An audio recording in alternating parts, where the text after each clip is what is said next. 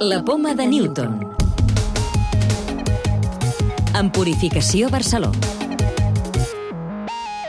L'epigenètica pot ser determinant perquè els tractaments de cèl·lules CAR-T contra la leucèmia funcionin. És el que demostra un estudi del qual us parlem en el programa d'aquesta setmana. També ens fixem en un projecte contra els càncers de pàncreas i colon i descobrim un nou tractament per fer més ràpida la recuperació de les lesions musculars.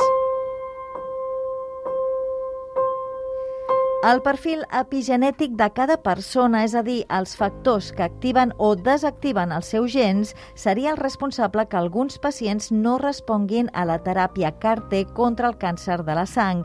És el que assegura un estudi de l'equip de l'investigador Manel Esteller, director de l'Institut de Recerca contra la Leucèmia Josep Carreras. Aquests investigadors han descobert que modificacions químiques d'aquestes cèl·lules T determinen la seva eficàcia. Això converteix aquests factors epigenètics genètics en el primer marcador molecular per saber si cal o no optar per aquest tractament, com explica el mateix Manel Esteller. El nostre estudi el que ha fet és agafar més de 100 casos de cèl·lules CART que han estat usades en pacients amb leucèmia linfoma i estudiar la seva regulació del material genètic, el que diuen les marques epigenètiques. I hem trobat una firma molecular que diu si aquella mostra CART aplicada al pacient serà efectiva o no.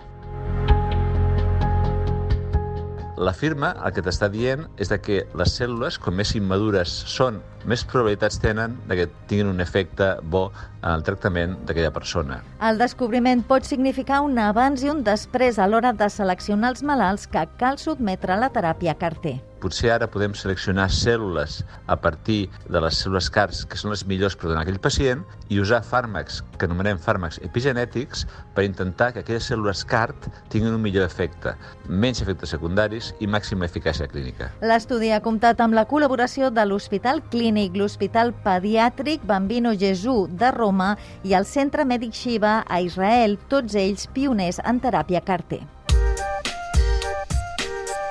També destaquem que un projecte català del programa Caixa Research proposa aplicar tumors de pàncreas i colon immunoteràpia cel·lulars. El tractament hauria de permetre que el nostre sistema immune sigui capaç de detectar aquest tipus de càncer.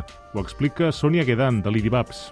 Una part del nostre projecte és primer entendre per què els tumors s'escapen del nostre sistema immunitari per després buscar mètodes per entrenar les nostres defenses perquè siguin capaces de superar aquesta resistència i eliminar el tumor. Un nou gel biològic és capaç de reduir a la meitat el temps de recuperació de les lesions musculars. L'han desenvolupat investigadores de la Universitat Politècnica de València i dels Centres de Salut en Xarxa en Bioenginyeria.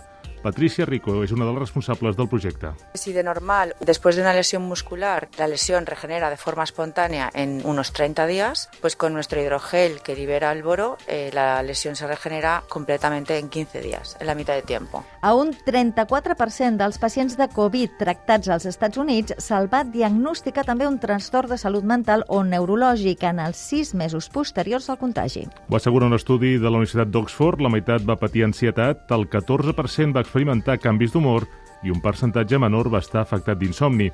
La recerca confirma també que hi ha un 44% més de risc de ser diagnosticat d'un trastorn mental o neurològic després de patir Covid que després de patir la grip i un 16% més que en d'altres malalties respiratòries. Llibres de ciència. Avui us proposem la biografia d'un prestigiós home de ciència, el neurocientífic català Joaquim Maria Fuster. En la seva obra El telar mágico de la mente, Fuster ens fa viatjar al llarg de la història dels descobriments sobre la memòria i sobre els mecanismes que determinen la capacitat cognitiva.